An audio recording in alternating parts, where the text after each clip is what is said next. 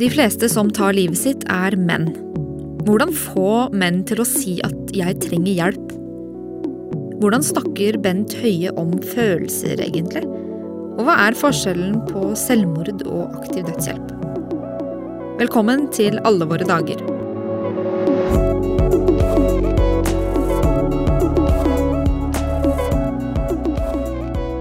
Bent Høie, hallo.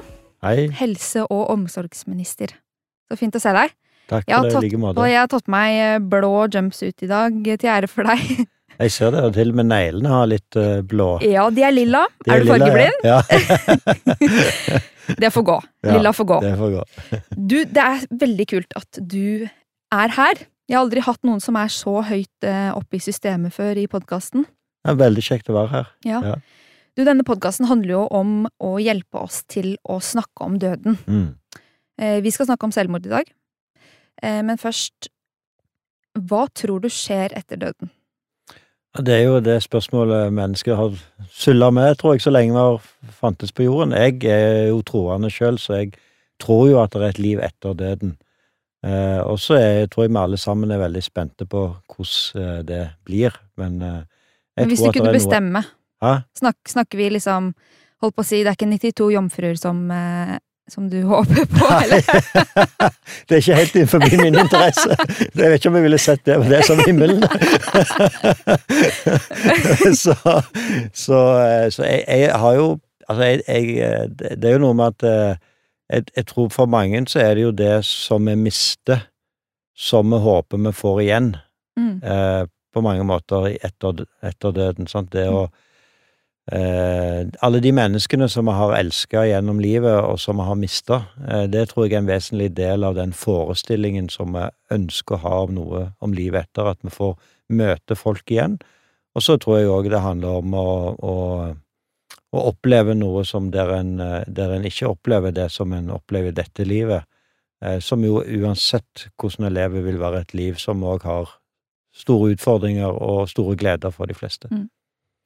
Du, regjeringen vil jo innføre en nullvisjon for eh, selvmord i Norge. Og handlingsplanen for forebygging av selvmord formidler at vi har ingen å miste. Mm. To av tre som begår selvmord, er menn. Og de fleste som tar livet sitt er mellom, altså av menn, er mellom 40 og 60 år, og du er selv 49. Mm. Kan du forstå hvorfor menn tar livet sitt? Ja, altså, jeg forst... Jeg tror Altså, det er veldig vanskelig å sette seg inn i andre menneskers uh, følelser, men jeg har jo snakket med en del mennesker som har vært i den situasjonen at de har forsøkt å ta sitt eget liv, og det som jo er den eh, opplevelsen som de beskriver, det handler jo om en, et totalt mørke. Altså der, de, der, de har, der på en måte en ikke tror at det er mulig å finne noe håp og lys igjen. Og så er det jo Så det er liksom det ene som går igjen, og det andre er jo også knytta til at en har kommet til den egentlig helt eh, omvendte eh, konklusjonen av det som er virkeligheten, nemlig at det vil være det beste, ikke bare for seg sjøl, men òg menneskene rundt, at en ikke er mer. Eh, som jo er Og begge de to tingene handler jo nettopp om at hvis en da tør å snakke om det, hvis en tør å si ordene høyt, så er det som om du slipper døren litt på gløtt, og lyset slipper inn igjen. Eh, og derfor er det jo så veldig viktig med mer åpenhet om både psykisk helse, men òg om selvmord og, og denne denne opplevelsen, da, at vi tør å snakke om det, og ikke minst tør å spørre hverandre. Eh, hvis vi møter eh, mennesker som er i en livskrise, eh, har du tenkt å ta ditt eget liv? Eh, Har du gjort det noen gang? Jeg har ikke gjort det noen gang, eh, fordi jeg har egentlig ikke i det Etter jeg ble veldig bevisst på at det er helt greit å stille det spørsmålet, så har jeg ikke vært i en sånn situasjon at det har vært naturlig, men, men jeg skulle gjerne ha visst det tidligere, at det er helt greit å stille det spørsmålet. For jeg tror mange av oss har vært redd for at, at, det, har på en måte, at det spørsmålet kan utløse selvmordet, men eh, det, kunnskapen nå forteller oss at det, det gjør det ikke. Men er du konfliktsky? Jeg er det. Så du syns Eller det, kan hende at du kan oppleve at det er ubehagelig å, å mase. Er det, det er jo vår plikt å mase, på et vis, er det ikke? Jo, det er jo det, men det er veldig ubehagelig. Og jeg er nok eh, den typen som ville ha eh, dvelt litt med det, altså. Jeg tror det.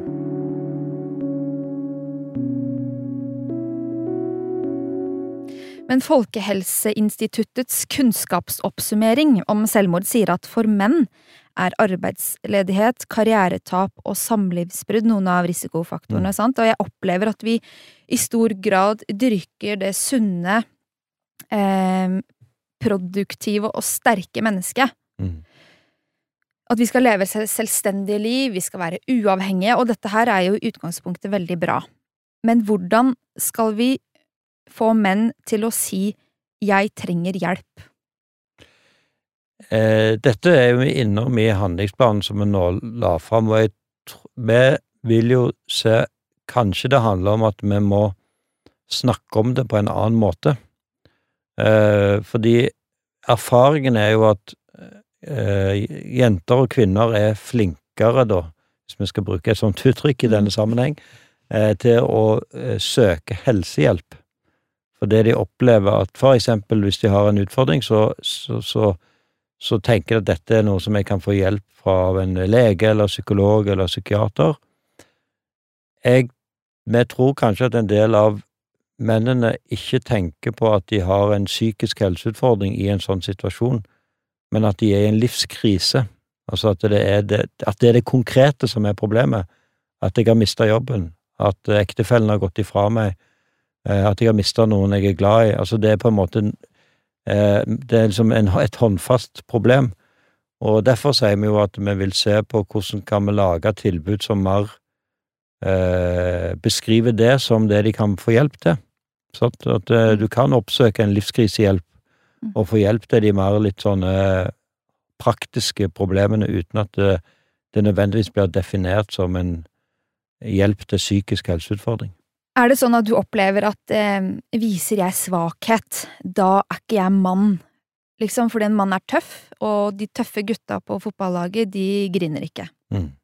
Ja, det er nok eh, fortsatt eh, den type kjønnsrollemønster i samfunnet vårt, og vi ser jo at eh, selv unge gutter har jo en større barriere, for eksempel å banke på døren til helsesykepleieren og snakke om de vanskelige tingene. Eh, så, så vi er nødt til å eh, rett og slett finne nye måter å nå fram til menn og gutter på. Hvordan gjør man det? Jeg tror jo at det handler jo om eh, For det første så handler det om det å være Altså at vi får rollemodeller som er åpne, og det har vi jo fått mange, mye flere av i de siste årene. Altså menn som forteller om sitt liv, sine utfordringer, og eh, menn som gjerne mange tenker er veldig sterke i utgangspunktet, som òg er åpne med det. Eh, Og så handler det òg om å se på eh, hvordan er tilbudene lagt opp til. Jeg tror for eksempel at når vi nå lager en en mer digital helsesykepleiertjeneste, eller skolehelsetjeneste, da, så tror jeg kanskje at det er lettere for en del gutter å chatte om problemene sine enn å sitte i et litt trangt rom, Mm. eh, og gjerne da med en eh, kvinne på andre siden av bordet, Mm. og snakke om de innerste følelsene, men kanskje det er enklere å chatte. Tenker du at terapien er feminin, altså det er tente lys og liksom duft, altså at det, den, er, den er for kvinner? Eh, det det er iallfall noe som gjør at, eh, at menn er eh, Eller gutter, da, er mindre eh, Tar i bruk disse tilbudene. Og vi ser at de stedene der en eh, for eksempel for mannlige helsesykepleiere, der en lager egne guttekvelder eller guttedager, så er det enklere å nå fram til, til guttene òg. Snakker vi da liksom skogstur, tenne bål, hogge litt ved? Og snakke Det trenger ikke være så mye. Det kan rett og slett bare være å si at de vet at de, eh, de treffer andre gutter som sitter på venterommet, og at det er en, Mm. gjerne en mann som sitter inne, og, Mm. og som de kan snakke med. Da. Bent Høie, når eh, gråt du sist? Du, jeg gråter veldig mye, jeg. så eh, så eh, det, det var sikkert i forrige uke eller noe sånt. En når- film, eller? Ja, det er ofte litt sånn enten en film eller en Jeg møter jo veldig mange mennesker som har sterke historier, og da kan jeg òg veldig fort gråte. Så jeg, ja, nå husker jeg når jeg gråt sist, det var på fredag. Var det ei, eh, en eh, ung dame som fortalte om eh, Hun hadde fått slag, eh, og fortalte om hvordan det var for henne, og ikke minst for familien og barna hennes etterpå. Og det var en veldig sterk historie, så da gråt jeg.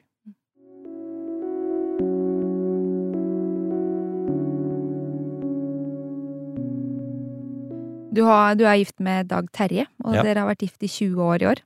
Det er helt riktig. Ja. Det er jeg veldig stolt over. ja. mm. Hvordan eh, snakker dere om følelser? Vi snakker ganske mye om følelser. Eh, og det er viktig for oss begge to, å snakke om hvordan vi har det, og hvordan vi føler det, og, og det er jo en enorm eh, Jeg er jo veldig heldig som har et annet menneske i livet mitt som jeg kan snakke om Eh, de innerste tingene med, og eh, både for forståelse, men også gode råd og korrigeringer når det er nødvendig. Mm. Hvordan men hvordan setter man på en måte ord på de følelsene man har inni seg? Hvordan har, har, du lært det på et vis, eller er det veldig naturlig for deg? Nei, jeg er nok ikke en person som det liksom faller helt naturlig for, men jeg tror jo at eh, og det er, jo, det er, jo, ikke alltid lett, og av og til så kommer det jo feil ut, og av og til så blir det òg oppfatta feil. så, da blir det litt bråk? Så, så, da blir det litt bråk og diskusjon, kanskje. Så det må man jo bare være åpen for. Og så har altså det som vi har eh, har liksom, tror jeg, blitt sånn eh, ganske flinke til, det er å, å gå på tur. Mm. Fordi at eh, når du går på tur, så trenger du ikke snakke hele veien. Og det betyr at du, hvis det, du skal snakke om noe som er vanskelig, og går, så kan du liksom eh, komme med et spørsmål eller si noe, og så trenger ikke den andre svare med en gang. En kan liksom gå litt på det, og så svare, og så, så kan en tenke litt på svaret, og så kan en snakke litt igjen.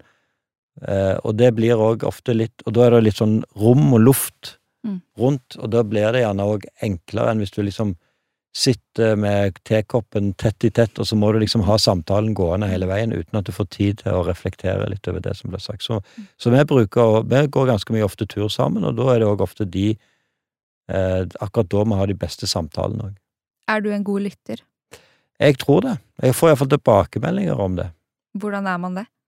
Eh, det enkleste er jo bare å la være å snakke sjøl. det er ikke så lett. det, så det er regel nummer én. regel nummer to er jo å gi litt respons underveis når den andre mm. snakker. Mm. At du liksom eh, i kroppsspråk forteller at eh, jeg, jeg, hører hva du sier, og jeg forstår hva du sier. Mm. Altså at du har Bruker ansiktet til å snakke når en hører på andre. Alle har det jo kjipt iblant, ja. sant? og la oss kalle det hverdagsmørke. Man kan oppleve eh, kjærlighetssorg, skattesmell, bulk i bilen. Men så er det, men så er det disse livskrisene, som mm. du har nevnt. Altså miste jobben, miste en venn, skilsmisse. Og jeg personlig har aldri stått i en livskrise enda. Jeg jeg er som deg stort sett blid. Mm. eh, og jeg har bare lyst til å fortelle deg om noe som jeg ikke har fortalt til så mange. Mm. Fordi for tre år siden så, så, var jeg på Sørlandet, det var sommer, og så sto jeg oppe i en situasjon hvor jeg blei veldig, veldig fortvila. Så det endte opp med at jeg løp ut på gårdsplassen, røska med meg noe stein, fra, fra, altså noe grus, og så løp jeg inn i skogen og gråt og var sint. Og det svartna helt for meg, og det endte opp med at jeg tok disse steinene og skrapte meg opp på leggen og i ansiktet. Mm. Um, og jeg fikk et lite sår i, på, i, på, kinnet mitt, og folk spurte hva, hva er det du har gjort, og så sa jeg nei, jeg har kjørt tube, var ikke en båt, og datta. jeg syntes det var så flaut, mm. for jeg er jo så glad, jeg er så livsglad, men, mm. men jeg opplevde da et øyeblikk av, av, smerte, og så tenker jeg at folk lever jo i denne smerten over lengre tid, og mm. hvordan skal man klare å holde ut? Mm. Hva tenker du om det? Det er jo veldig sterkt, det som du sier, og jeg, og jeg tror de aller fleste av oss har vært i den type situasjoner som du her beskriver, der vi liksom bare Alt blir helt forferdelig, og vi liksom må bare gjøre et eller annet for å komme vekk eller få utløp for det. Og, og, men for de aller fleste av oss så går jo dette over av seg sjøl. Eh, enten at vi får trekkpusten, eh, liksom finne tilbake igjen til, til, til, til oss sjøl, eller i eh, veldig mange tilfeller òg at vi får hjelp av noen som er der og da til stede for oss. Mm. Eh, og så er det en ny erfaring å ha med seg videre i livet. Men for andre så er jo dette en situasjon som en ikke kommer ut av, eh, og er i over lengre tid. Og, og det er veldig vanlig det som du sier, at hvis en har det veldig vondt inni seg, så er det jo en menneskelig reaksjon å gjøre ting som gjør at en får en fysisk smerte. Mm. Eh, rett og slett fordi at det er noe som en kan forholde seg til, som er konkret. Eh, og det er det jo veldig mange som, eh, som, som, da gjør kontinuerlig over lang tid. Og da har en jo behov for hjelp, eh, og, og, profesjonell hjelp. Mm. For det er jo noe med det å stå i livssmerte, at det er så det er så vanskelig. Enormt vanskelig, og, det, og, og, og denne akutte situasjonen som du beskriver, det er jo òg noen grunn til at eh, vi for eksempel vet at det å ha fysiske barrierer på broer, mm. det å lage noen rett og slett fysiske hindringer for å gjøre de mest drastiske valgene, virker. Rett og slett fordi at den, hvis en møter den barrieren, så får en akkurat den tiden en trenger for å tenke seg om eller bli tatt hånd om av andre, sånn at det mest fatale ikke skjer. Har du opplevd noen sånne øyeblikk sjøl i livet? Jeg har opplevd øyeblikk eh, med, med dyp fortvilelse. Eh, det har jeg gjort. Eh, og, og, og eh, redsel og mørke, det, det, det, er liksom en del av livet. Mm. Men, men, jeg har aldri vært i en situasjon der jeg har tenkt at nå vil jeg ta mitt eget liv. Det har jeg ikke. Nei. Jeg vet jo at, at søstera di var i en ulykke ja. da du var tolv. Vil du fortelle om det? Ja, det var jo en veldig tøff tid, eh, både for eh, selvfølgelig for henne, men også for meg og familien. Eh. Og det vanskeligste var jo rett og slett at hun var så alvorlig skadd at vi fikk beskjed om at dette eh, ikke kom til å gå bra, at hun kom til å dø. Eh, og det var jo noen forferdelige timer. Eh, Hva slags ulykke var det? Hun ramla av en motorsykkel, ja. og så brakk hun et ribbein som skal hull i hovedpulsåren.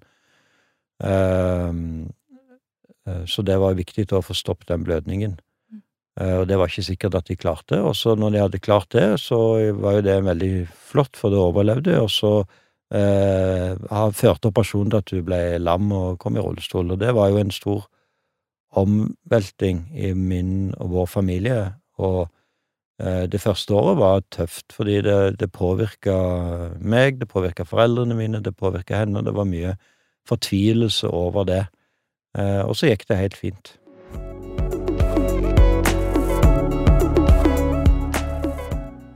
Jeg lurer på Er eh, livet for alle? Ja, livet er for alle. Eh, og livet er for alle òg i en situasjon der en tenker at det er som aller mørkest og som aller vanskeligst. Men, uh, men, men hvorfor skal Jeg bare tenker, hvorfor skal politikerne mene noe om et menneske skal leve eller ikke? Er ikke det opp til den enkelte? Det er nok egentlig ikke et politisk spørsmål sånn sett om alle skal leve eller ikke. Uh, uh, så, så, det har du helt rett i, men det er et menneskelig spørsmål som vi må snakke om, og som er et, et grunnleggende verdispørsmål, etter min oppfatning. Og dermed så blir det òg et politisk spørsmål, fordi hvis vi hvis vi skulle ha ment det motsatte, nemlig at livet ikke er farlig, mm. eh, og at vi som samfunn skulle sagt at eh, det finnes verdig liv og ikke verdig liv, så beveger vi oss inn i et rom som eh, jeg mener ikke er, hører til mennesket å eh, bestemme. Mm. Eh, og det åpner opp så mange nye etiske problemstillinger som eh, egentlig da vil bare kontinuerlig vikle seg inn i og aldri komme ut av. Kan du si litt mer om det? Eh, ja, det handler jo om at eh, for eksempel spørsmålet om aktiv eh, dødshjelp, så er det jo da sånn at hvis den hvis en på en måte sier at ja, det er noen tilfeller der vi som samfunn sier at eh, ditt liv er Eller hvis du sjøl mener da at ditt liv er så lite verdt å leve, så skal vi som samfunn eh, bidra til å avslutte det livet. Eh, så kan en jo da ha som utgangspunkt i at dette er jo ditt individuelle valg, og dermed har samfunnet en plikt til å hjelpe deg med det valget. Men for det første så er det jo sånn at alle, ingen valg blir tatt alene. Alle valg blir tatt i en kontekst av et samfunn som du lever i, og forventningene rundt deg. Eh, og Det betyr at på det individuelle planet så vil jo da kunne oppleve at valget ikke egentlig er ditt, men at du for eksempel gjør det fordi du har stor omsorg for menneskene rundt deg, eh, og tenker at nå vil ikke jeg belaste de lenger med mine utfordringer. Eh, og dermed så er det egentlig ikke ditt valg. Men det er òg sånn at det lyser også opp og åpner opp for en diskusjon om hvis, hvis, det er sånn at en person som for eksempel er lik meg, da, sier at nei, men dette livet er ikke verdt å leve, jeg vil ha eh, hjelp til å dø, hva forteller det meg om mitt liv? Og summen av de valgene vil òg bidra med å endre menneskets oppfatning av hva som er et verdig liv eh, og ikke. Og, og derfor er jeg veldig tydelig og prinsipiell motstander av eh, aktiv dødshjelp. Fordi nullvisjonen, den vil jo minske lidelsen, sant, hjelpe folk til å, å, leve livet sitt og gi håp, slik at færre tar livet sitt, mens aktiv dødshjelp ønsker jo også å minske lidelsen, men ved å ta liv. Um, hvordan skal vi klare Vi vet jo at veldig, en, en, stor del av befolkningen ønsker dødshjelp. Mm. Hvordan skal vi klare å jobbe for en nullvisjon dersom assistert um, dødshjelp blir en rettighet og noe staten tilbyr? Ja, det blir veldig, det, Da er det egentlig ikke mulig å ha en nullvisjon, etter min uh, vurdering. Og så er det jo også sånn at det uh, uh, Så vi må velge? Jeg, jeg mener at det, det, vi må velge. Fordi da har vi jo egentlig sagt at dette skal være en del av samfunnets tilbud, en del av samfunnets løsning òg for den enkelte. Og da kan vi ikke samtidig ha en visjon om at, hvert, at vi ikke har noen å miste, og at vi skal jobbe for at ingen kommer i en situasjon der de opplever at det å ta sitt eget liv er en løsning. Da Ari Behn tok livet sitt i, i, fjor, i romjula i fjor, så var Aftenposten ganske raskt ute med å skrive 'Send din hilsen til den modige Ari Behn'. Mm. Og jeg husker veldig godt at uh, fattern ble, han ble rasende. Han, jeg våkna opp, og han var kjempesint, for han var så redd for at andre også skulle ta livet sitt. Og han ringte til Aftenposten og klikka og, og ble veldig sint, og heldigvis så ble jo dette eh, ordet 'modig', det ble fjerna. Mm. Eh, hvordan skal media håndtere selvmord på best mulig måte? Det er jo uh, et spørsmål som det er veldig viktig at media sjøl reflekterer rundt, og jeg opplever at norske medier har gjort det. De har gjort en veldig god jobb, egentlig, med å lage sine egne interne retningslinjer for dette. Uh, og da er det jo nettopp viktig å unngå den type begreper, den type adjektiver, rundt både den som eh, tar sitt eget liv, og det er òg viktig å unngå å beskrive selvmord med, med, ord og i detaljer som gjør at, at, at det fremstår som en modig handling, eller som det fremstår som, som, spennende og den type ting. For det er det jo ikke. Det er bare dypt, dypt tragisk. Men på den andre siden så er det viktig at media ikke av redsel for å gjøre noen feil, lar være å omtale selvmord som et samfunnsproblem. Og det er jo der Det er jo egentlig eh, i de to grøftene som en kan falle i, og nå opplever jeg egentlig at media generelt sett har klart å finne en fin balanse mellom disse to hensynene. Du, jeg eh, syns det har vært veldig fint å snakke med deg. I like måte. Jeg lurte på om vi kunne avslutta med, fordi på første sida av den handlingsplanen eh, for å forebygge selvmord, så er det en tekst. Og jeg lurte på om du kunne avslutte med å lese utdrag fra den? Ja, det kan jeg gjerne gjøre. Vi har ingen å miste. Ingen. Hvert eneste menneske som tar sitt eget liv, etterlater seg et tomt rom som ingen andre kan flytte inn i. Vi vil alltid savne en latter ved bordet, vi vil alltid mangle en stemme i koret. Vi bærer både lys og mørke i oss som er mennesker. Mørket kan vokse seg eh, stort og legge seg tungt over livet. Sånn at du tror at det er natt, sjøl om det er dag. sånn at du tror at alt er meningsløst, sjøl om det fins mening. Sånn at du tror at alt er håpløst, sjøl om det finnes håp. Vi må gjøre livet til å leve for de som strever. Det handler om å høre hjemme og høre til. Det handler om å bli sett sånn som du er, og der du er. Det handler om å søke hjelp og få hjelp som hjelper. Lyset det finnes, sjøl om mørket har vokst seg stort. Så lev litt lengre. Pust litt mer. Til du ser meningen, til du finner håpet, til natta blir til dag. For det blir.